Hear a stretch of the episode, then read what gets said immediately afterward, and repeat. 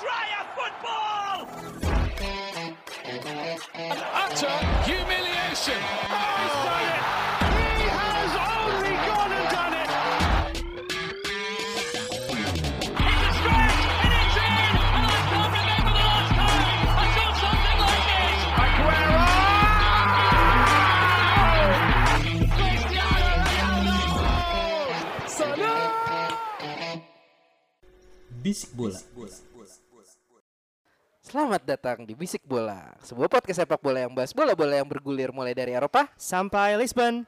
Kita bahas secara, anarkis. tapi tidak. Alergi datang. Oke, hari ini kita bertiga ya sebenarnya, tapi kita ada satu substitution player, Yoi. substitution tetap di Bisik Bola. Yoi. Ada Agus. Eh, Hey. Clayton pemain Impalan. ya, selain Agus balik juga sama kita uh, Aji. Ya Dan yang ngasih yo rebun Panji ini Dan siapa Anda? Ahmad Benjamin. Oke. Okay. Akan 47 enggak? Enggak usah. Enggak usah. Kali ini kalem. Benar ya kalem. Kalem ya, soalnya kemarin habis ah enggak salah. lah. gini gini gini.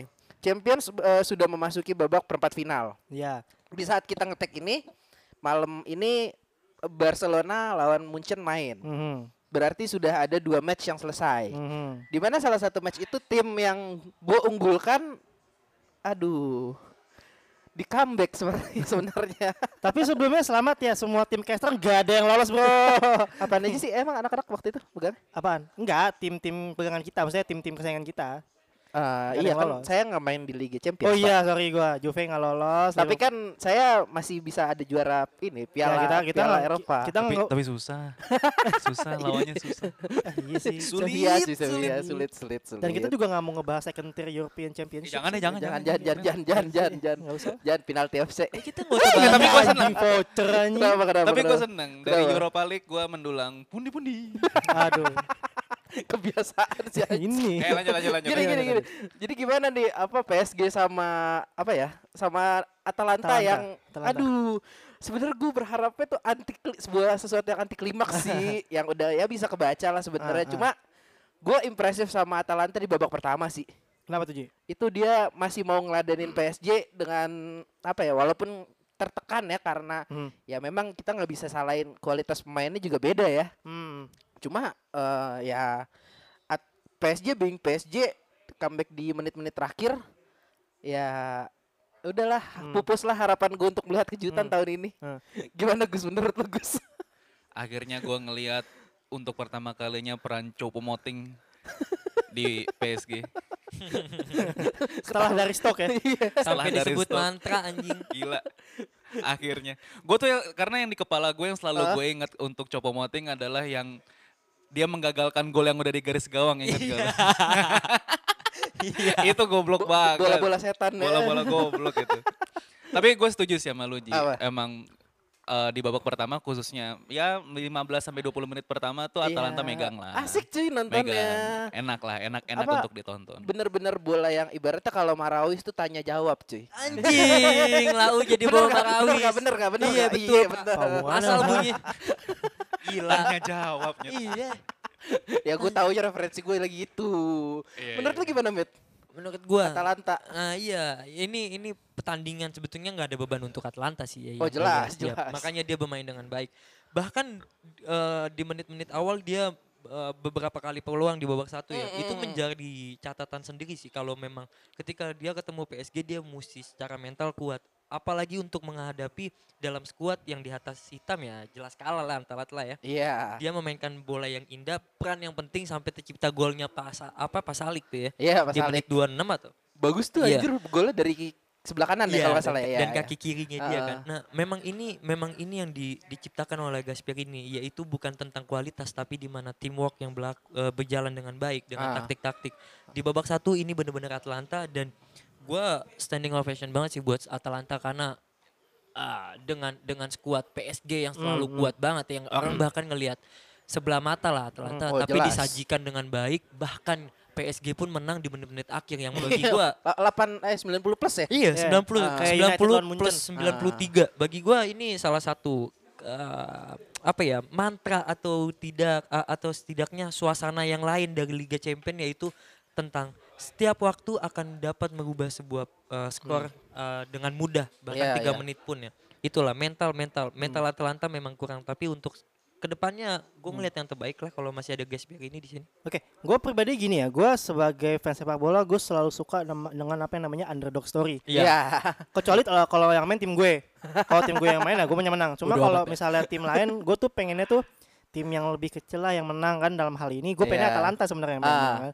Dan juga di- didukung dengan formanya dia di liga yang bagus banget kan. Ya, Dia bisa tuh- nyodok ke posisi tiga ya terakhir ya. Serat- Iya. 100 gol ya Mat ya? 100 gol 100 gol kan dan dan dan dan ditranslate dengan baik di lapangan gitu kan. Ah. Babak pertama masih megang tapi kembali gue setuju sama teman-teman semua ya pada akhirnya eh, kualitas permainan, kualitas pemain dan ada X faktornya di situ, Apa tuh? Mental. mental. Oh, mental. Nah, menit 90 udah mau menang terus di comeback 2-1. Ya. Walaupun gol-golnya juga datangnya bukan dari yang ekspektasi ba- tinggi ya dari Iya. Copa Moting bro dari stok gitu kan. Cuma ya ya Indian gue harus ngasih applause juga buat Atalanta Heeh. bisa dibilang ini kayak super package tahun ini ya. Iya, iya. Ibarat kata kayak Monaco zaman dulu lah. Oh. Nah, yang bisa jauh gitu kan Nih. dengan Kylian Mbappe-nya. Ngomong-ngomong soal em, squad ya. Sebenarnya Atalanta nggak ada siapa mat? Nggak ada Ilik. I- Ilik ya, Ah, I- Iliknya sebenarnya Ilicic. Ilicik, Ilicik apa Ilik sih nggak bacanya? gue manggilnya Ilik soalnya mainnya jago pak Icilic. Iya. Icilic jadi? Iya. Josip Ilicic. Ilicic, Ilicic, ya, Ilicic. Ilicic itu saya ingat gue dia yang tahun ini leading top scorer di Atalanta iya Hmm. dan dia nggak main. Hmm. Menurut kalian eh, ini sebuah apa ya? Kayak sebuah sesuatu yang kurang menguntungkan banget nggak sih buat Atalanta? Oh banget lah, di mana kata lo ada pemain top lo lo nggak main dan dan penyebabnya bukan cedera men, tapi eh, faktor luar lapangan. Ya. Even though kita nggak bisa menyalahkan ya yang namanya udah kondisi seperti itu tidak bisa dipaksakan kan namanya. ya bala kapan aja datang ya Balak pada datang kan. Ini sebenarnya ya musibahnya ini sebenarnya patut dibahas di PWB sebenarnya sih. ya nggak sih? iya betul Di podcast Yud Bengavi ya. iya mau gue undang pak tenang Ah, iya. udah gue Eh, DM Baru menit 6 ya kamu udah hard selling. Enggak apa-apa. Betul doi. Iya, jadi di luar dari itu memang sangat-sangat terhilang gitu kan. Walaupun memang tep- tetap bisa buat gol cuma tentu saja pasti ada ada yang hilang gitu kan. Eh, ada link play-nya yang nggak dapat kok di Atalanta kalau gue lihat ya pribadi link play-nya tidak seluas kalau misalnya doi main biasa di liga. Iya, Oke. Kak. karena ini ini pemain yang memang bisa menciptakan gol dan bisa menciptakan peluang eh, untuk rekannya kan. Hmm. Di mana Dufan Juapata eh, menjadi salah satu top skor tahun kemarin maupun sekarang karena sebuah peran Ilik sih kan. Oh ya. Dibantu dengan Papu Gomez yang gua ngelihat memang ini ini kehilangan yang sangat sih karena memang eh, kreasi dari eh, lini serangan Atalanta itu ya berperan dari Ilik, Ilik, pas ah, memang di gelandang ada Papu. Nah, yang gue lihat memang ini menjadi sebuah kecelakaan berat dari Atalanta bukan tentang cedera atau apa pun tapi ini tentang individu. Balik lagi itu suatu kesalahan sih. Kemudian yang ingin gue highlight lagi ya, ada sebenarnya ada faktor lagi. Mungkin ya sih karena ini kan ibarat kata satu leg ya. Iya. Kayak ya kayak Mainnya di neutral ground lagi. neutral ground kayak Ah. ya Pildun Mini lah. Ada nggak sih faktor di mana misalnya ini kita main satu satu tan- satu laga ya PSG mainnya all out aja gitu nggak usah mikirin tandang lagi nggak usah, usah mikirin kandang lagi nggak mikirin liga, kedua sekarang sekarang gitu Oh Gimana? iya. Hmm. Ya Iya. sebe- sebenarnya kalau kalau menurut gua kalau itu ya untuk kedua tim harusnya berpikir seperti itu. Hmm. Mereka Karena mau- resiko resikonya lebih besar cuy. Lu kalah udah selesai perjalanan lu nggak nggak kayak biasanya yang ibaratnya bisa sampai semifinal kan biasa home away kan. Iya. Itu sih. Ini ini ini Liga Champion yang semua eh, sesi dari eh, pendelapan final sampai semifinal pun itu menjadi final bagi mereka. Iya, Karena apa? benar. Bukan lagi tentang main like-like kan, Ah. tapi siapa yang bisa memanfaatkan peluang dan bisa meminimalisir kesalahan itu sih yang gue lihat. Tapi terlepas dari itu semua sebenarnya sih gue lebih setuju dengan format yang kayak gini sih. Karena kalau misalkan home away, Heeh. terus hasilnya tuh apa ya hasil-hasil yang menang-menang gol away itu tai sih kalau menurut gua. Itu terjadi ketika Juventus kemarin Ah. sama Manchester City ya. Sebenarnya sih gue mau Ah. arah ke situ sih Iya. sebenarnya. Cuman kalau mau, Mentang-mentang ada fans Juve lu. cuman kalau kalau Ah. balik ke pertandingan Atalanta, Atalanta lawan PSG ya sebenarnya kalau menurut gua ya terlepas dari hasilnya eh, PSG bisa comeback sebenarnya sih kalau dari menurut gua Atalanta ini terlalu naif permainannya kalau gua. Oh, Karena- gimana tuh Gus? terlalu na- terlalu naif dalam hal kayak gini sih. Eh, Gasper ini kan suka banget yang namanya main high press ya. Iya. Ya, Bahkan high pressnya tuh bisa sampai 5 sampai 6 pemain. Ah, betul, betul. Set. Dan untuk dari segi uh, defense-nya pun juga lebih suka bermain dengan man marking gitu. Ah. Ini sebenarnya senjata makan tuan sih kalau menurut gua. Dengan materi uh, pemain PSG yang segitu begajulannya ditambah lagi Bape masuk, Bapak masuk udah menit 70-an ya. Ya itu gue ya. itu udah udah menurut gue udah udah apa ya udah udah baik sih udah Atalanta udah gitu juga Atalanta eh, tidak masuknya Malinowski dari dari awal tuh kalau menurut gue agak berpengaruh besar sih. Ah, iya. Ya, gue gue nggak setuju dengan itu karena bagi gue eh, PS eh, Atlanta bermain dengan baik bahkan high pressing yang tinggi pun masih bisa men- masih bisa menyulitkan at- eh, sekelas PSG dengan bisa menciptakan gol di menit 90 bahkan 93 ya. Ini murni tentang mental dan satu lagi ini tentang kecapeannya Atlanta sih pemainnya. Gue Nah, yakin. Lu bilang kecapean itu menurut gue karena strategi yang diterapkan Gasperini gitu dengan dengan menggunakan high press. Ya lu kan pasti tersedot semua untuk Iya. eh, tenaga lu untuk untuk mengepres kan. Mhm. Apalagi setelah lu ngepres eh, apa bola udah dioper lu mesti balik lagi ke belakang gitu. Nah, karena ini kenapa PS eh, Atlanta menurut gue dengan formasi ini dan taktik ini menjadi sebuah solusi yang paling benar karena ketika dia memberikan lu ruang eh, dalam hal kreasi bola dalam PSG bakal mampus. Makanya itu dia bermain hack eh, hack pressure sampai akhir terlepas memang golnya kita bisa lihat kok gol-gol aneh.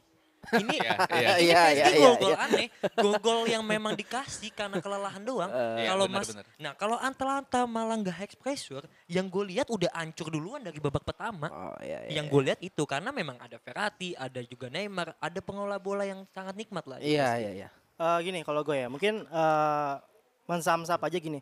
Di saat lo main full pressing 5 sampai 6 pemain dan defense lo main man marking, Ah, ah. tentu yang akan jatuh duluan adalah fisik. Iya. Ini Betul, ini betul. mungkin Gasper ini maunya gini ya. Dia gimana caranya ngeblitz PSG di awal. Ah, ah. Masalahnya nggak berhasil, dia cuma bisa bisa satu gol. Hmm. Tim-tim yang main yang ngeblitz gitu Ah. kan, dia ibaratnya pengen, gue pengen ngebunuh pemain ini dalam satu babak. Iya. Bisa tiga gol, bisa empat gol. Ah. Masalahnya lawannya PSG gitu kan. Ah, iya. Ya. Yang secara kualitasnya kalah timnya. Dan dijawab di akhir di akhir pertandingan, golnya kecolongan 90 menit ke atas. Hmm. Itu pemain udah capek semua. Ya, jangan gini deh, lo main press bener-bener press, lo main man marking. Lo mau nge-man marking Mbappe, lo mau lari terus-terusan. Lo Walaupun mau, mau, mau nge-man marking Neymar, itu aja ada pemain yang dikolongin. Nah, Neymar kan kakinya kan kayak kancil kan bola Iya. di mana Iya. kaki di mana. Bola kan? di mana kaki di mana, di tackle di mana, jatuhnya di mana. Iya, Tidak salah mau main seperti itu karena memang sudah biasa main di serinya seperti itu nge-blitz kan. iya. Dan tertranslate juga dengan jumlah golnya. Iya. Pemain eh, klub main blitz pasti golnya banyak. Betul, Ah. betul. Tapi pertanyaannya, defensive line-nya bisa nggak nahan sampai belakang? Iya. Nah biasanya nggak bisa nahan, tapi udah keburu menang banyak. Ah, jadinya iya. nggak ketut, jadinya nggak kayak ya udah menang gitu kan? Iya, iya. itu dia kenapa Atalanta bisa golin banyak kebobolannya pun juga Banyak, Hmm, banyak itu, gitu. itu. Kayak waktu di semi eh seperdelapan final ya berarti Iya. ya, yang skornya nggak nggak nggak jauh-jauh semua beda satu doang kalau nggak salah. Banyak kok contohnya tim-tim yang main full, full press itu banyak banget. Uh, Dortmund tahun 2014 juga kan Iya. mainnya Iya. blitz kan. Iya, Lawan gegenpressing. lawan Munchen jatuhnya di mana? Di akhir di akhir pertandingan. Ah, Liverpool tahun 2017 golnya banyak, kebobolannya banyak juga. Jadi ya kalau mau main press mungkin ya Gasper ini mungkin untuk musim depan ya ah. harus pintar pressing sih. Oh iya. Kalau iya. mau lihat contoh yang baik itu di City sama di Liverpool. Oh. Itu yang pressingnya udah pintar banget itu. Tapi ngomong-ngomong soal pressing nih, kita rep ya pertandingan yang tadi. Mm. Ngomong-ngomong soal pressing, ada satu lagi tim Jerman yang doyan pressing. Hah? Menang kebetulan ya. Eh enggak kebetulan, untungnya menang. Untungnya mana? Main pressing Hmm. lawan Atletico Madrid. yang kita tahu sendiri biasanya main sepak bola negatif. Hmm. Cuma kemarin berani ngeladenin gitu loh. Di menit-menit Atlet- akhir Le- ya. Leipzig sama Atletico. Atleti itu ngadain juga karena udah menit akhir aja udah nggak bisa ngapa-ngapain lagi. Untuk pertandingan ini selain itu nggak ada komentar-komentar lain buat itu. Gue oke eh, gue ngelihat ini pertandingan memang di mana Leipzig bakal menang sih karena karena gini. Notabene Atletico adalah pemain defensif yang Ah. sangat kuat Hmm. dan dan bakal menyolong gol dari counter attack. Nah, yang gue lihat kemarin counter attack-nya dia tuh abis mulu sama Upamecano. Itu Ah, permasalahan. Best sih dia Nah. teman-teman.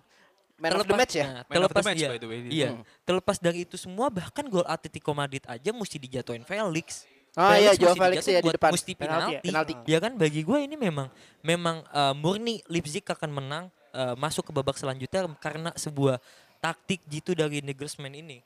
Terlepas dari itu semua Atletico terlalu terlalu menurut gua mungkin karena adrenalin kali ya karena udah ti- tinggal satu gol sampai akhirnya satu sama dia terus menyerang sampai akhirnya dapat juga counter attack dari Leipzig sampai akhirnya si Adams golin Ya. itu kesalahan Atletico Madrid ketika dia udah ciptain gol mestinya dia tetap bermain dengan uh, defensif dan memanfaatkan ruang-ruang dari counter attack itu yang mestinya karena ada apa ada Lorente ada Morata yang memang notabene pemain yang butuh speed, yang punya speed dan punya power dalam hal shoot Oh ya. kalau ya, dia benar. manfaatin itu udah baik nah kecelakaannya ya ya itu dia memanfa- Kecelakaannya. iya adrenalin tinggi dia bermain dengan uh, high pressure yang tinggi sampai akhirnya dia di counter attack habis lah itu sama Adam nggak, nggak mau sabar di depan kotak Iya. penaltinya ya. ketika Ah. udah unggul eh ketika udah menyamakan skor ya itu sih yang gue lihat dan murni dari itu semua Leipzig memang pemain yang sang ah, pe- Leipzig bermain dengan sangat baik sih notabene juga punya speed karena pemain muda semua mayoritas ya kalah lah kalah dalam hal speed bahkan stamina sih Atletico Madrid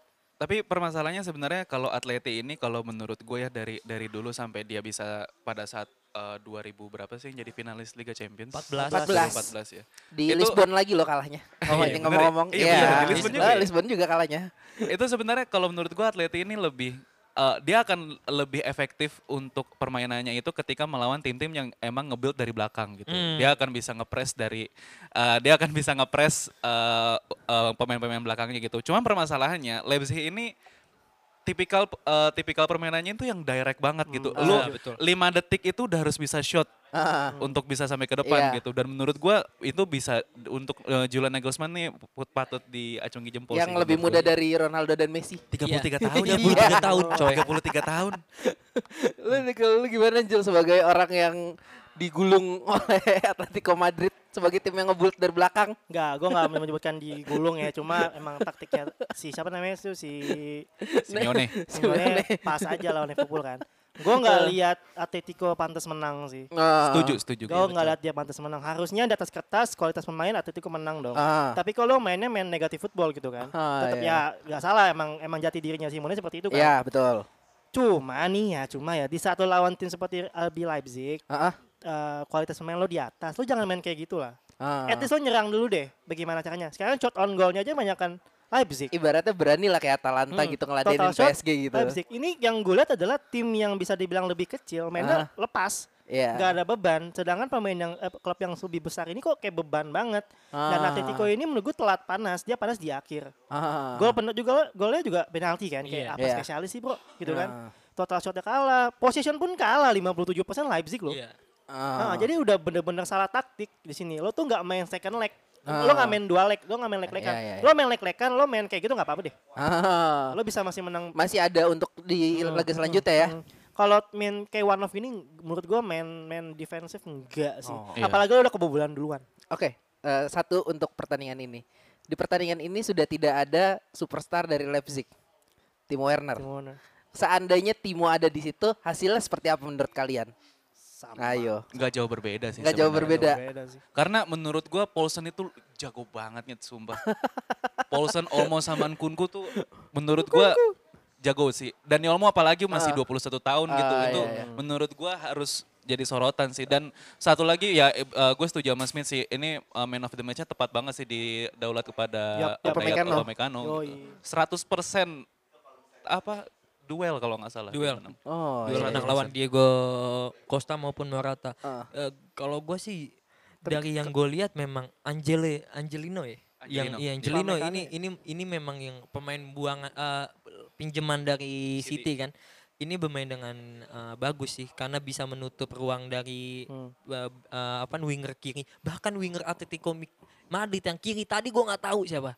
Karena terlalu pasif banget, Pak. Karena semua bola tersudut dari Carrasco mulu kalau lu lihat. Iya. Hmm. Dan Ah. itu bagi gue kayak wow, Atletico tinggal hancurnya doang, tinggal nemu matinya doang Ah. dan terjadi di menit eh, 80-an kan. Speaking of Upamecano ya, kan tadi Bang Agus ada kasih data dikit ya. Ah. Dua ini gue kasih datanya yang lengkapnya nih. Ah. Jadi dia tuh tackle tackle-nya tuh sukses 100%, dribble 100%, passing akurasinya 92%. Most touches-nya paling banyak 99 di Ah. laga itu. Ah, Clearance paling banyak itu 5. ah, Kemudian uh, duel di di daratnya 6 dari 7. ah. Cuma kalah sekali sama aerial duel 3 dari 4. Oh. Gue senangnya dari Upamecano ini dia bisa nge-build up dari belakang gitu. Lu lihat aja gerakannya betul. buset ampi sampai bisa sampai ke kotak penalti lawan tuh gimana Iya. Dia caranya. ball playing ya. Dan- Ball playing Dan, defender. dia. dan dia berani juga untuk untuk eh, maju dengan dribble ya. Tapi Ah. tapi itu itu tuh kan dia bisa gitu karena Atletico mainnya ke belakang. Iya, iya. Oke, oke iya, tapi di balik itu semua dia bisa ngedribble dan bisa eh, berhadapan dengan pemain Atletico Madrid. Di- Ini Iya. Hmm. bisa notabene bisa gue bisa bilang libero yang akan tercipta lagi sih. Enggak, eh, dia dia bagus bisa bawa bola cuma didukung juga dengan gaya pemain Atleti. Nah, gitu. iya. Salah salah Atletinya lah. Ya kalau dibanding sama back 85 juta gue sih jauh banget. Nggak jauh. lah. Berapa sih harganya si Upamecano? Ya, Di? Release clause-nya Tahu 70 ya tahu kalau deh nggak dia mau ke Arsenal katanya. Nggak jadi, nggak jadi, Nggak jadi nggak ya. jadi. Udah Udah perpanjang kontrak. Deh, nggak ada lagi nih dari situ. Dan gue ngeliat ya Oh, satu deh nih, ada. yang gue lihat cuma satu aja deh. Eh gue nggak tahu kipernya Leipzig tadi malam tuh mainnya bagus apa kagak. Gulaksi. Nggak tahu gue, karena bagi gue Si memang Gulaski ya? Iya, Ah. karena memang dari Banyak Karas- nganggur, Mat. Iya, banyak Banyak nganggur. nganggur. Carrasco aja yang kita tahu sutannya bagus dalam akurasi, Eh. nggak ada nggak ada faedahnya. Ini bukan tentang siapa yang jadi pelatihnya Atletico, tapi siapa yang menjadi wingernya Atletico. Nggak ada umpan-umpan Diego Costanya Iya, yang bagus. kan. memanfaatkan tinggi Iya. pemain ya Bar ya. Iya. Gue boleh ngasih pertanyaan liar gak? Apaan? Menurut lo udah saatnya Diego Simeone cabut gak sih dengan gaya permainan seperti itu? Aduh. Karena gini deh, lo mau challenging ke kita ngomong La Liga Ah, misalnya. ah, ah, ah. Lo mau challenging La Liga, lawan lo Barcelona sama Real Madrid yang, Ah. attack- yang attack-nya jor-joran banget. Iya. Lo mau rely sama counter apa counter pressing yang nggak jelas itu, dia bukan counter pressing malah. Bener-bener nunggu aja. Iya, iya. Mau Drop sampai back- kapan? drop back ya. Drop back bener-bener drop back. Kalau kalau bagi gue mesti eh, dia mesti ada di situ terus karena memang apa filosofinya Atletico Madrid memang dia punya Hmm. terlepas dia pantas pemain di situ dan juga yang ngebawa Atletico Madrid ya itu dia dan bisa berhasil ya Ji ya Sekali. dengan dengan final bahkan juga dengan La Liga bagi gue dengan sekalinya pun itu menjadi eh, apa ya jadi dongeng tersendiri di La Liga karena kita tahu Barcelona maupun Real Madrid di saat itu kuat bagi gue Atletico ini masih butuh dengan Simone mungkin cara taktiknya dalam hal untuk counter attack atau gimana bermain indah atau gimana itu yang mesti dicari lagi detil-detilnya bagi gue sih kayak gitu Gue setuju sih sama sama, Smith gitu. Menurut gue emang sih bang bang bang bang sorry jangan benerin Oh kata-kata gue iya, anjing, lupa, lupa gue. Kenakan lu, kenakan. Enggak maksud gue, gue gue gue setuju sih karena kalau menurut gue untuk untuk diganti dengan pelatih lain itu memang butuh waktu lama lagi karena filosofi dari Simeone ini udah melekat banget di semua pemain Atletico gitu. Cuman mungkin emang eh, butuh ada yang namanya plan B atau plan C yang bisa merubah situasi pertandingan gitu. loh. Hmm. Ada micro taktik yang bisa di- diterapkan di lapangan gitu kalau menurut gue. Jangan terlalu stagnan seperti sekarang Iya, ya berarti Iya, ya. karena Iya. karena se- sekelas Atletico Madrid bisa menghancurkan klub sekelas Anda, Enggak, Bung. enggak, gue enggak, gue nggak terima kalau misalnya Liverpool dibilang hancur karena yang menang pertandingan Liverpool kok dia kan tunggu doang kan gini. Simeone di Atletico udah berapa tahun sih? 7 tahun lebih ada Iya. nggak sih? Gitu-gitu aja nggak? Gelarnya apa sih? Liga-liga satu. Lali- Heeh. Win still Liga win man. satu, Sisanya cup, finalis cup, satu. finalis finalis kan. Sekarang gini, kesuksesan suatu klub diukur dari trofi ya nggak? Betul. Iya. Iya nggak? Lo kalau misalnya hampir-hampir doang itu bukan bukan prestasi namanya, Iya. gitu loh. Kalau mau gaya pemain lo kayak gini terus ya kan plananya kan ya udah kita nunggu, kita break. Mau sampai kapan gitu loh. Ah. Tim lo tuh lo tuh challengingnya Barcelona sama Real Madrid. Jangan ngomongin Liga Champions deh. Liga Champions lo lebih habis lagi. Oh Gitu. iya.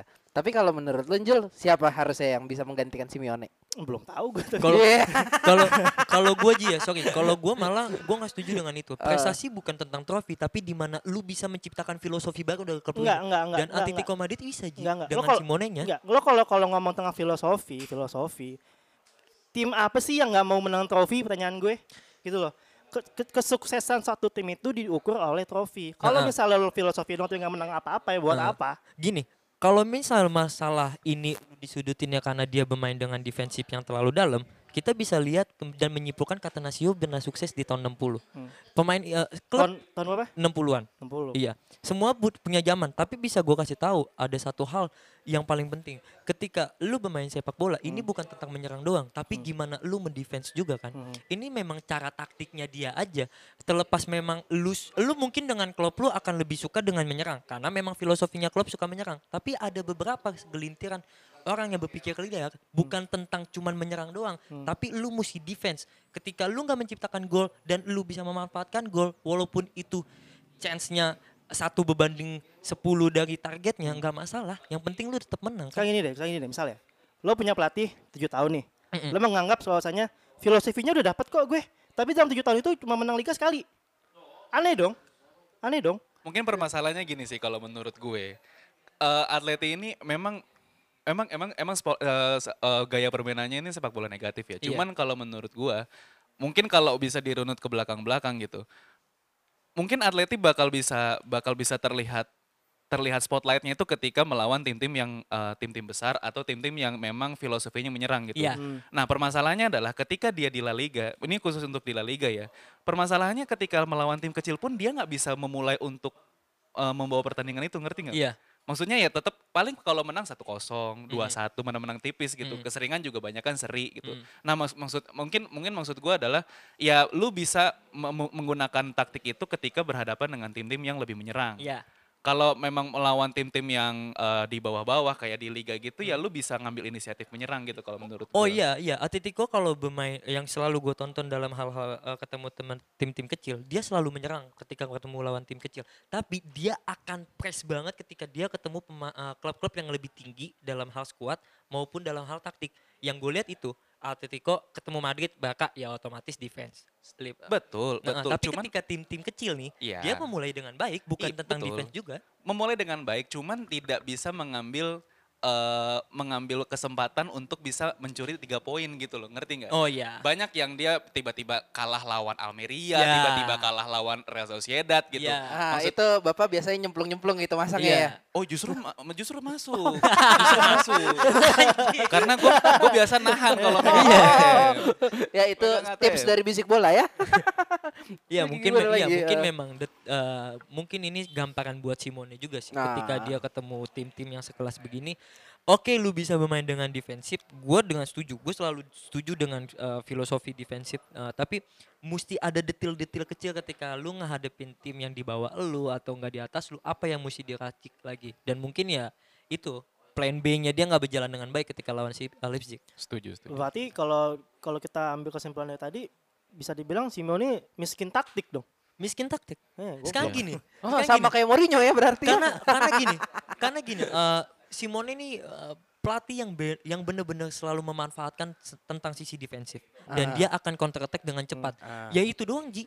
Ngerti gak kalau misalnya Klopp Pep Guardiola bla bla bla itu kaya dengan taktik. Makanya bisa menciptakan sebuah taktik ya, yang baik. mungkin gini, kalau kalau lu tarik kesimpulannya dari omongan ini, yang dibutuhkan adalah perombakan squad di mana harus ada pemain yang bisa counter attack-nya bagus, nggak cuma Nah, nunggu bola. mungkin itu. Dan juga semalam yang gue lihat ya memang finishing dari Atletico aja yang memang hancur sih dari apalagi Yannick Carrasco Diego Costa nggak kelihatan sumpah nggak kelihatan mainnya Kalau menurut gue sih. Atleti butuh playmaker sih kalau menurut gue yang bener-bener Oh. bisa ya apa bisa apa ya bisa Mainin ritme Iya, pertandingan. mainin ritme pertandingan gitu kalau Iya, menurut gue. karena ya memang gelandangnya dia tuh murni gelandang pekerja keras bos, Tom- box to box.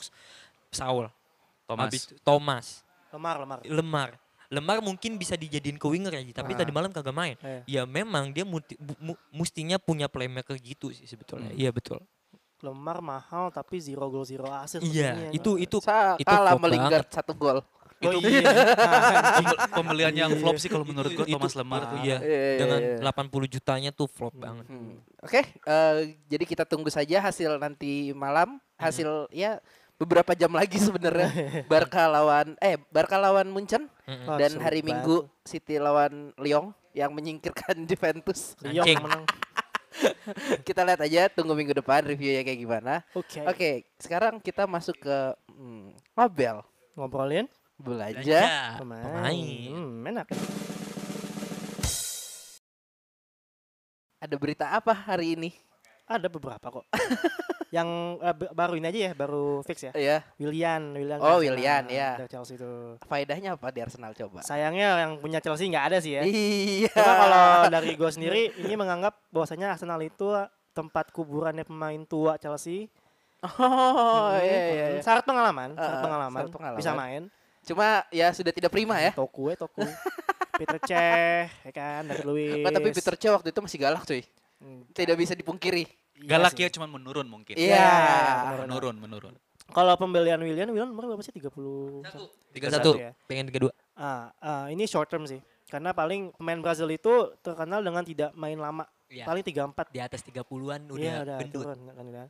Nah, eh, yang gua lihat adalah Arsenal ini kan nggak punya dia punya Nicolas Pepe sebenarnya kalau Ah, buat main wing ya. ah, ah. Nah mungkin dia butuh yang gua nggak tahu sih Arsenal naruh Pepe di kanan apa di Kanan, kiri? kanan, kanan. ya. Nah Ah. Willian taruh di kiri. Tapi Willian biasanya main di kanan sih kalau di Chelsea ya.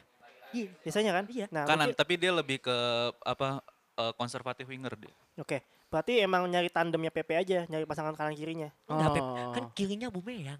Oh, Tengahnya taruh Lacazette. depan. Hah? Lacazette tengah. Lacazette tengah. Masih ganti-gantian gak sih mereka tuh? Ya, Suka tapi lebih ganti-ganti seringnya sih, iya, suka ganti-gantian kan. Nah, itu jadi emang nyari sosok yang ya bisa dibilang syarat pengalaman banyak, ya kan?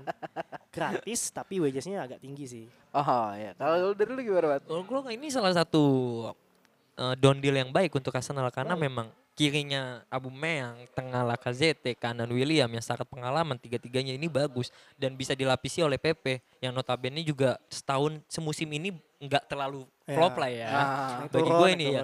Tapi balik lagi Arsenal butuh back dan kalau dia nggak ciptain back baru ya udah. Kayaknya semua tim tahun ini jelas. butuh back ya. Iya sih. Iya. Entah di kiri, entah di kanan, Ada entah di tengah, bolong. ada aja yang Ada bolong. Kecuali satu Liverpool doang kalau masalah back. Ki, Alhamdulillah kirinya ya. dia Enggak. bukan bukan kiri lu agak-agak. Ada Robo. Oh, Robo. Dia iya. buat masalah back, dia cuman gelandang yang dibutuhin. iya, gelandang kreatif. Enggak kan, tapi kan dia mainnya ini. apa bukan Ya, oh, Eh, oh, mau langsung nih Pak. Ini jadi gimana? Kan lagi ngomongin Liverpool tadi. iya. Tad, eh, berapa hari beberapa hari yang lalu ya? apa? Keluarnya. Si ini siapa? Tu- Fa- Tuhan Fa- Tuhan itu. Fabrizio. Eh, Tuhan berita transfer. Anjing Tuhan tadi. Semalam. Tuhan semalam ya? Semalam. Iya, semalam Fabrizio Romano bersabda bahwa dasarnya Thiago Alcantara sedang dibidik oleh Liverpool. Hmm. Gus. Tadi yang ngebut lu. Lebih, Nggak lebih, lebih tepatnya gini sih, lebih tepatnya gini. Gimana? Thiago sama uh, Ada satu Klopp lagi. itu udah Oh iya, secara udah pribadi mau. mau. Cuma sekarang gimana caranya Liverpool mau nggak ngeluarin duitnya buat Bayern Munchen gitu. 30 Berapa sih? Tapi euro. 30 juta euro tuh 30 masih euro. masih worth it loh untuk Nah. seorang Thiago Alcantara nyet Mungkin kalau menurut gue. gue elaborasi dulu ya Pros apa and cons dong. ini gini. Liverpool itu gue selalu bilang ini, Liverpool itu nggak bakal beli pemain sebelum dia ngejual pemain. Ya. Dia bakal nyari dananya dulu. Oh. Ini ini ini sifatnya FSG ini, sifatnya John Wayne Henry ini dari zaman dia di Boston Red Sox. Medit ya. Enggak medit, Nggak dia emang medit. bener-bener merhatiin raca Perhitungan, keuangan. Perhitungan, perhitungan. lah bisa dibilang perhitungan itu kan. Juara. Nah, nah itu itu, sih. itu masalahnya. Lu kenapa nggak mau Itu. bilang klub lu medit? itu masalahnya juara. Eh. Tapi kalau misalnya gue bilangnya ini di musim yang biasa ya tanpa break karena pandemi ini, Eh, gue pasti akan ngamuk kamu kan kok lo juara nggak mau ngeluarin duit 30 euro anjing 30 juta Eh, euro. eh. Cuma kan ini kan bener-bener ada break dan eh, eh. kemarin tuh Loso tuh sampai satu juta satu billion eh, ya, ada gede lah pokoknya intinya lah nggak dapat gate kan. Walaupun selnya sel baju Liverpool ini yang lagi naik, naik, pasti banget ya. pasti naik. Cuma Hmm. sales untuk secara Hmm. penonton langsung turun pasti karena nggak ada. nah, kan Pasti gini. faktor Minamino tuh. iya sih. Itu siapa? itu siapa? Buat jualan jersey Iya, doang. Iya, Iya. Subasa. Misaki. Oh, bisa.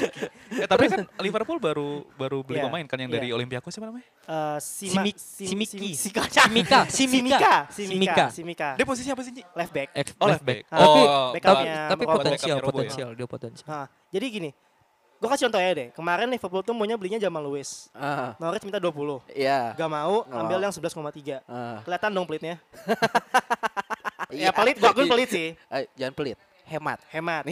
Cuma Klopp ini kan eh, sensible transfernya kan tinggi banget. Iya. Dia nggak bakal beli pemain yang kalau mahal ya ngapain gue keluar-keluarin itu doang. Cuma gue pribadi gue pengen banget Thiago Alcantara masuk.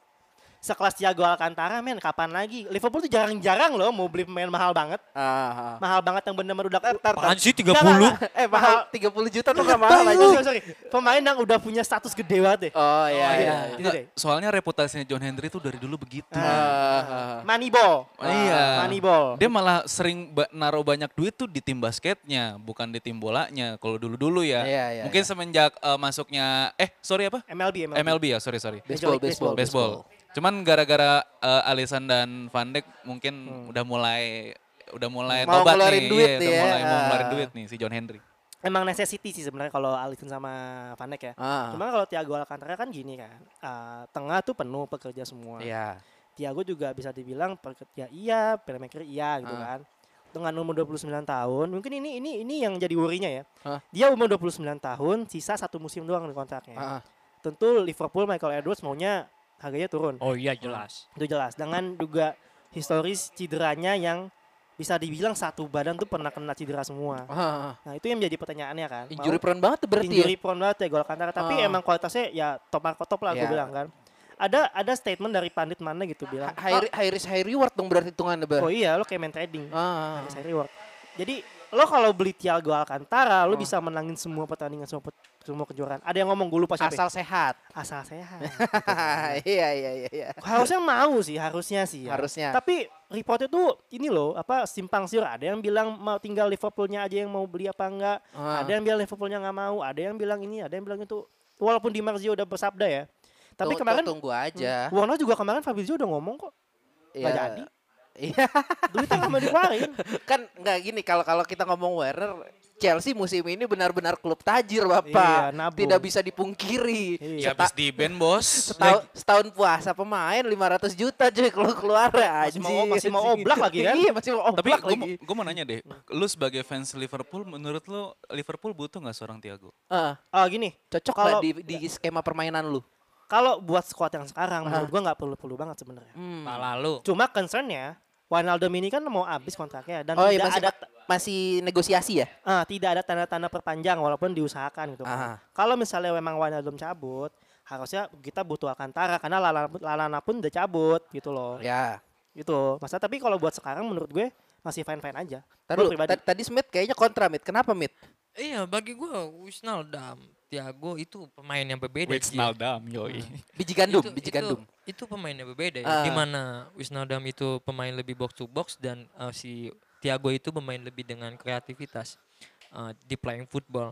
Nah, maksud gua kalau misalnya si Liverpool beli Thiago, ini akan dapat lagi kreasi dalam lini gelandangnya yang memang sangat buta ketika udah ditinggalin jauh dari Coutinho. Kita murni ngelihat si uh, Liverpool ini dengan taktik di mana uh, fullbacknya siap maju, Fabinho uh, maupun Van Dijk siap menguper uh, ke arah depan, bermain dari bawah dan dari tiga wingernya eh dari tiga depannya ini akan bermain dengan uh, dengan dengan sangat indah ya dengan bola-bola bawah. ya Kita bosan dengan itu. gue jujur gue bosan. Bahkan Atletico aja udah menciptakan sebuah formula yang bikin ancur banget. Bagi gue dengan datangnya Thiago, nggak ada lagi akan ada lagi opsi-opsi dari klub yang bisa menciptakan permainan yang bagus. Ah. Karena bagi gue Liverpool main bagus nih. Ah. Ini Liverpool lagi lagi lagi di atas angin lah ya. Mungkin Iya. untuk menjadi uh, sang juara di tahun besok pun bisa gue ngeliat dengan datangnya Thiago. Karena bagi gue apa? Gue jadi. Liverpool tuh butuh gelandang. Lu nggak bisa nggak bilang iya Ji. Lu akan bosan gak sih ngeliat Liverpool yang main gitu mulu? Maksud gua nggak ada lini gelandang itu yang bisa bermain dengan kreatif. Eh. Dengan datangnya Thiago, oke, dia pemain cedera. Aha. Tapi dengan 30, gue yakin dia 20 jutaan lah itu akan dilepas dari Bayern Munchen dan dia siap udah ngambil untuk Thiago dan efeknya yang paling besar di Liverpool ya dia dapat gelandang yang benar-benar kreatif dan bisa mengalirkan bola lebih bagus lagi untuk ke trio mautnya dia. Nah, kan mana cabut jadinya enggak ya nggak belum ya Gua nggak gua nggak Iya. ngeliat trio, gua nggak ngeliat Iya. trio ini cabut coy. Oh, enggak enggak ya Iya, sohib banget. Eh, enggak Iya gue kan? pengen bikin orang insecure aja Iya. Maksud gua dengan datangnya Thiago, bahkan kalau emang gak ada Thiago Eh. dengan opsi Coutinho lagi, nggak masalah. Memang Oh. memang Liverpool tuh butuh gelandang kreatif. mari kita tanya fans ya Tiago apa Coutinho Tiago. Dan menurut lu gimana? Uh, dengan kenapa, dengan kenapa? gelandang kreatif, akan bisa dapat opsi-opsi lain gak dari klub? eh, nah pertanyaan Smith dan kenapa Tiago Gini, daripada Coutinho gue pribadi gini ya. Gue Tiago masuk, gue pengen. Eh. gue pengen siapa sih yang mau Tiago Iya, nih, gitu kan. iya. Cuma kan pertanyaannya, apakah dibutuhkan? iya Dibutuhkan, ya cuma nggak butuh-butuh banget menurut gue. oh, oke Karena kalau gini, eh, plan A-nya klub kan adalah eh, kreativitas lo ada di wingback, ah gitu kan. Itu dasar lah. orang-orang overlap yang larinya ngacir-ngacir itu Ah, Cuma kan PR-nya kalau misalnya udah stuck, Ah. yang tengah ini ada yang bisa nggak? ah Nah sebenarnya tuh udah ada jawabannya, cuma emang belum bekerja dengan baik aja. Nabi Keita. Nabi Keita benar, ada Nabi Keita sebenarnya di situ. Cuma kan masih naik turun. ah Klopp ini kan terkenal dengan dia tuh percaya banget sama pemainnya. ya Yang mungkin akan terus dipakai. Cuma kalau gue pribadi udah agak gerah sebenarnya sama Nabi Keita. Iya. Naik turun banget masalahnya. as a fan ya Dia bagus bagus banget kalau lagi bagus ya. Ah, ah. Kalau lagi jelek jelek banget anjing. Dia kan kecil ya. iya Dibully jatuh. Cuma dribblingnya bagus gue akuin. Iya, iya, Nah iya. biasanya mungkin plannya B-nya Klopp adalah seperti itu. Nah tidak ada salahnya mengambil eh, Thiago Alcantara. Gue pribadi mau Ah. dengan harga segitu. Gaji menurut gue bisa lah. Iya. Liverpool lah gitu kan. Sekarang pertanyaannya kalau misalnya Wijnaldum cabut gitu kan. Ah. Gue pribadi nggak mau dia cabut. Hmm. Butuh banget butuh Ya. gitu. Kalau gue Karena dia baik. Ah. karena- Cuma kalau pertanyaannya Thiago ya gue mau. Ya kalau gue sih sebenarnya permasalahannya Liverpool ini kan suka main dua blok ya. Ah. yang nggak pernah make yang namanya gelandang kreatif gitu. Ah. Jadi kalau Hmm. menurut gue sih emang sebenarnya nggak butuh-butuh banget sih. Gue masih pengen melihat perannya Nabi Keita di sini gitu Ah. loh. Karena Nabi Keita ini sebenarnya kayaknya kalau musim lalu kurang diberikan kepercayaan kalau menurut gue ya. kalau Cedera, menurut Bang. gua. Iya sih, dia Ah. lebih sering cedera sih. Cuman kalau untuk kalau untuk masuknya Thiago, kalau emang Liverpool eh, berani untuk bayarin sih, menurut gua akan ada opsi lain lah untuk Jurgen Klopp mengarungi musim depan. Oh, oke oke. sedikit gue karena gini ya kita bisa lihat lah eh, track recordnya terakhir ini akhir-akhir ini dari Liverpool ini formasi Klopp taktik Klopp udah ketebak Ah. udah ketebak Nah, cara itu concern gue mainnya. juga sebenarnya sih. udah Oh, ketebak iya, iya. ya kan kalau Variasi misalnya- permainan ya iya, berarti ya. kalau Ha. lu kalau dari dia nggak setuju dengan omongan gue dengan butuh gelandang kreatif Hmm. ya mampus lu lu akan mampus karena Dis- bagi gue nggak, disclaimer gue bukan nggak setuju, cuma nggak butuh-butuh banget.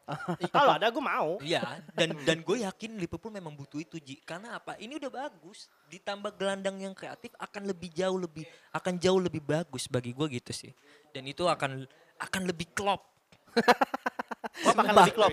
Sumpah. Gila, gila, gila, gila. Karena, karena gini, klop. karena bagi gue gini ya, Liverpool udah bagus banget. Ah. Dan ketika ada gelandang yang memang kreatif, Ah. itu aliran bola ke mana-kemana aja coy. Iya iya iya. Ya sekarang lu ngeliat winger ke winger aja dia sering ngelakuin itu kan long pass long passnya. Ah. Ketika ditambah ada gelandang kreatif, akan Opsinya jadi tiga lini ya yang Nah. bisa ngoper. ah. Tiago ini akan berperan ke semua lini. Ah. Cakep. Ya cuman kalau kalau nggak ada yang setuju, kalau Klopp nggak mau ngeluarin dana, ya udah. Bukan Klopp ya yang mau nggak mau ngeluarin dananya. Ke Juve maksud lu? Don Apa? Ke Juve bukan masalah ke Juve. Ya ketemu aja Juve Liverpool pede banget. Eh, gini, lu ngomong-ngomong Juve Liverpool nih, Oh, gua mau iya. ngomongin Juve nih. Nah, ada pemain lu yang ditawarin ke semua klub yang punya duit. Oh iya. Gosip-gosipnya, itu Iya. kenapa? Itu wartawan Spanyol. Salah satu dia kerja di Marka. Ronaldo ya? Iya Ronaldo. oh Gua iya iya iya gue baca gua- tadi. Gue salah satu Tawarin. orang yang paling nggak percaya dengan eh, berita dari Marka. La Gazzetta Dari- dello Gazzetta. Sport. Gue mau bilang ke semua negara nih. Kalau Itali itu. Inggris, Inggris, Inggris. Sun. Daily Mail. Iya enggak, gue Sun. Gua Daily nggak Mail. Sun itu anjing. Dari Spanyol Marka, gue gak setuju dengan itu. Karena memang dia selalu ngasih bumbu-bumbu. ya emosi inilah. Iya bagi gue. Orangnya nggak ada lo omongin lu. Gak apa-apa, ada orangnya di sini gak apa-apa gue omongin. Habis mulu kan. Ya maksud gue, eh ya udah ya Ronaldo. Gue ya iya sih dia gaji 31 juta euro plus lagi pandemik. Iya. Liga gue kan liga-liga mafia pak. Iya kan? Si anjing. Iya kan? Masih aja. Iya kan? Hati-hati. Gua nggak takut. Anjay. Jauh. Iya kan? Iya jauh. takut jauh. Iya kan emang Kan kan nggak nggak ngerti di kita ngomong apa. nggak sampai 2% pak orang Itali tinggal di Indonesia. Jadi santai. Ya maksud gue gitu.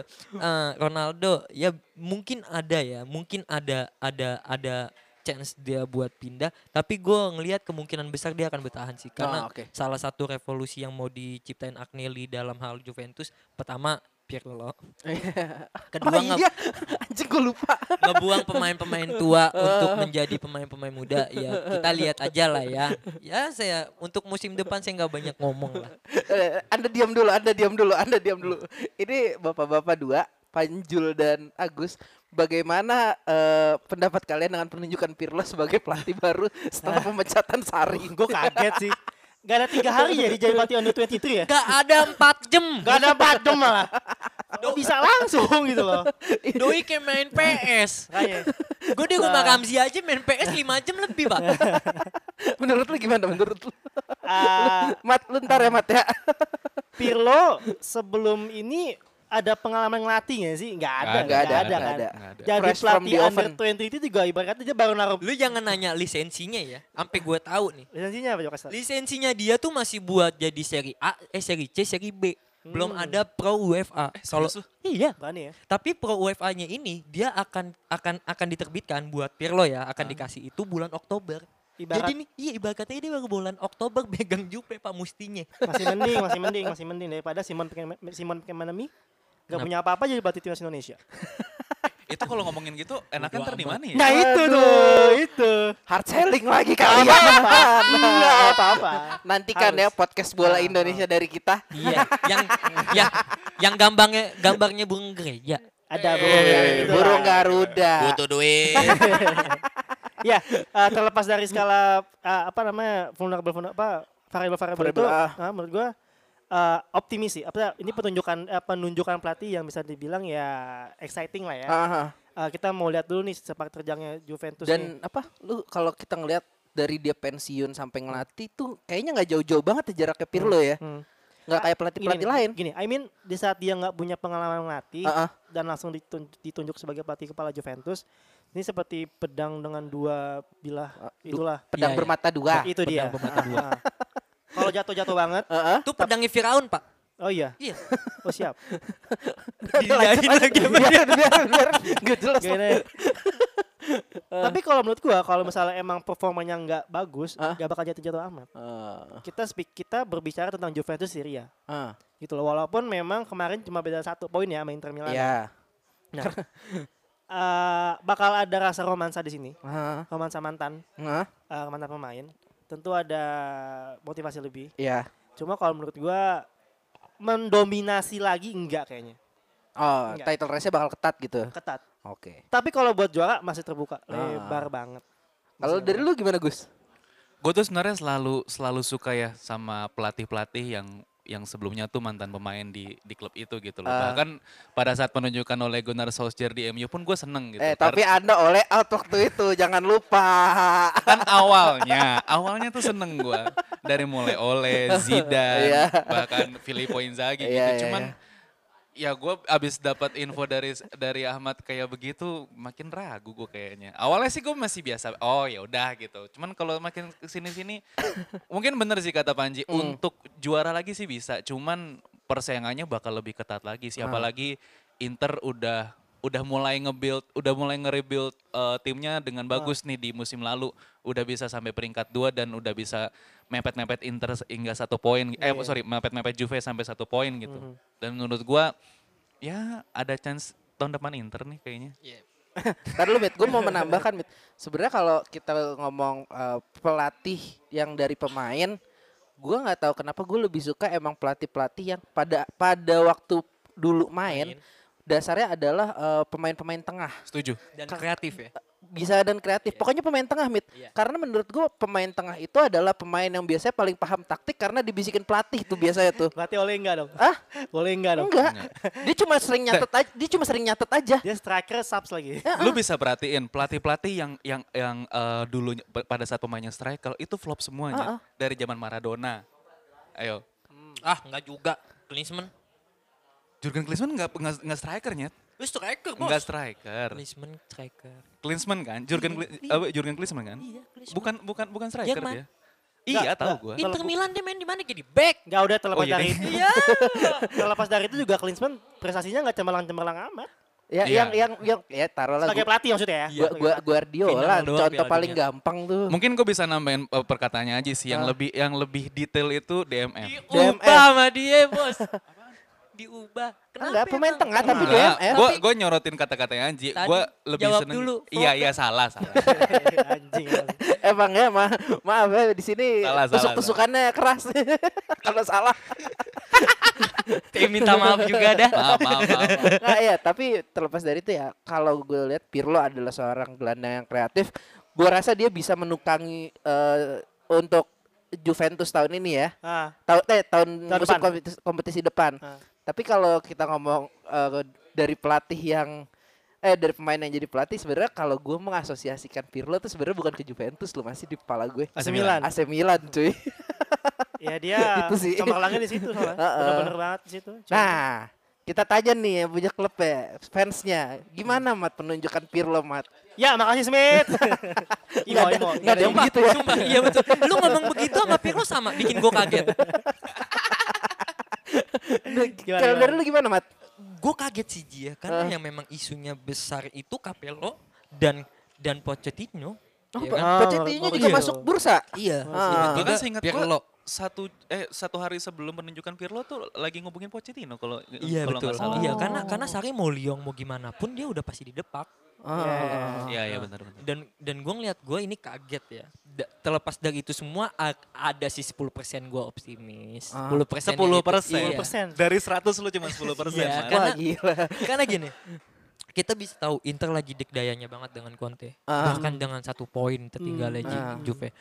Gasperini dengan Atlanta, Iya. Simone dengan Lazio, Lazio. ada juga Eh, Roma, AS Roma, Roma, Pioli, Milan. Iya, Milan dengan Pioli.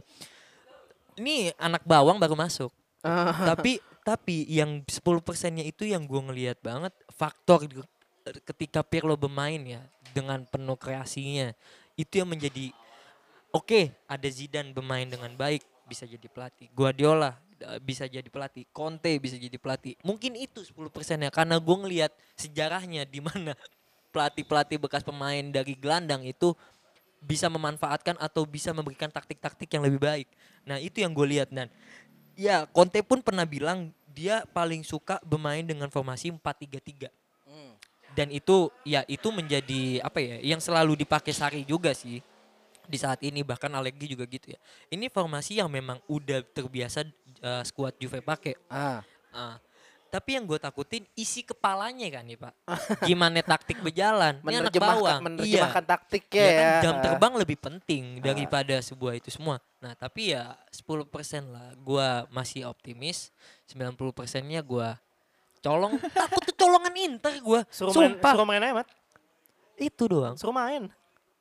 Ya, terus gimana? Ada yang mau ditambahkan lagi nggak? Ya Buat Pirlo nih. Pirlo ya kita tunggu aja sih. Menurut gua kayak ya bener ini gamble sih, gamble parah juga. Gamble parah. Gambling parah ini. Gambling. Momennya momennya aneh sih menurut gua. Oh, iya, Udah iya. abis dikejar sama Inter Heeh. kan. Sari juga mainin gak jelas. Nggak bo- gara-gara nggak boleh ngerokok ya gitu di lapangan. Nggak bisa mikir. momennya aneh sih menurutnya. Momennya Iya, aneh. Tai di kamar ganti yang ngerokok anjing. Kayak Johan Cruyff tuh. Eh, tapi Johan Cruyff pelatih bagus cuy. Bagus. Di Eh, Barcelona. Sudah Respect. itu sudah terbukti.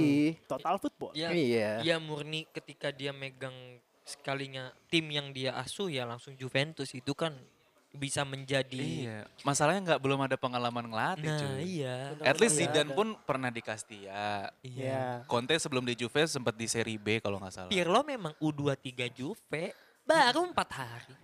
Nggak sampai seminggu, Pak. Mohon maaf. Di CV nggak bisa dipakai. Dia baru baru benerin ruangan itu. Gue taruh Iya. sini dah, duduk sini lah. Ntar gue taruh sini. Ya, tapi balik lagi eh, yang gua ngelihat 10% ini tentang karismanya dia ya, Oh, tentang bisa, krea- kreas- bisa. kreatifnya dia dalam bermain.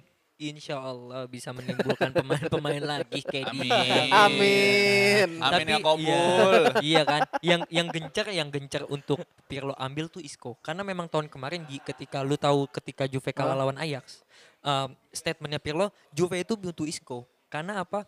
Lini lini gelandangnya Juve itu nggak ada yang sekreatif dalam hal playmaker ya gue. Oh iya iya. Nggak ada yang bisa menyuplai Ronaldo dengan lebih baik selain Isco. Nah makanya sekarang tuh media terlalu gembor-gemborin si Isco. Harganya lu mau tahu berapa? Berapa? 120 juta euro. Umur? 28. Oh, lumayan Jupe sih. lagi nggak ada duit. Du- 120 ribu gue yang bayarin dah. Gila. Oke oke oke, gini. Kita tunggu aja gimana kelanjutan si Juventus dan dengan huru haranya. Yang pasti kita nggak bisa nambah game mainnya sih. Iya. ya, belum bisa, Oh iya, belum ketebak sih. gua nggak belum bisa tebak, ketebak, gua nggak bisa tebak. Karena kita nggak ada contohnya juga dia kan. Ya udah. Dan yang pas iya dan Eh, mungkin mungkin se- sebagai gambaran aja dia akan bermain dengan 4-3-3 plus akan lebih dominan dalam hal menyerang. Nggak, gue kira dia bakal main gitu. Oh anjing, boleh banget. kayak Kayak siapa kayak, ya? kayak Giggs waktu itu. Kayak Giggs. Wah kayak Edgar David Ya, anjing. jangan salah, Fergie, eh, Ferguson pernah coy. Main. Sir Alex Ferguson pernah Main. main Ah. di MU. Gue nggak tahu. Tapi- Tapi gua nggak tahu loh. Friendly match. Ya, si anjing itu. Eh, tapi main. Ya, Mourinho juga jadi Dia- kiper waktu itu. Dia jadi asistennya. Friendly matchnya MU lawan tim di Amerika kalau nggak salah. Iya dia main. nggak, kalau kalau ngomong apa pelatih yang main ya kayak gitu Giggs, eh, Rooney kemarin tuh di derby. Oh iya. Masih main juga kan tuh Company. gila. Company di Underland. Douglas zaman dulu juga pernah. Iya. Ah ya udahlah.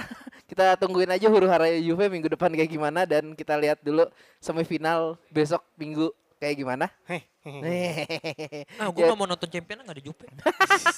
Ayo Macan Barca. Jangan eh, eh, apa? Like kan nih. Ja- jangan lupa follow sosial media kita di @musicsports dan @musicmediaid. Yes. Share juga podcast ini ke teman-teman kalian biar teman-teman kalian IQ-nya agak turun dikit. Jangan lupa juga dengerin musik basket ya. Iya, ada ada Bisik Basket, ada podcast with benefit yang ada YouTube-nya juga. Yoi, di musik media. Jangan lupa. Terus sama ada apa lagi? Satu lagi yang Ada. coming soon. adalah Nah, tungguin, Tungguin aja kabarnya. Ada sayapnya dah. intinya- Bye. Bye bye bye. Annyeong. Bye.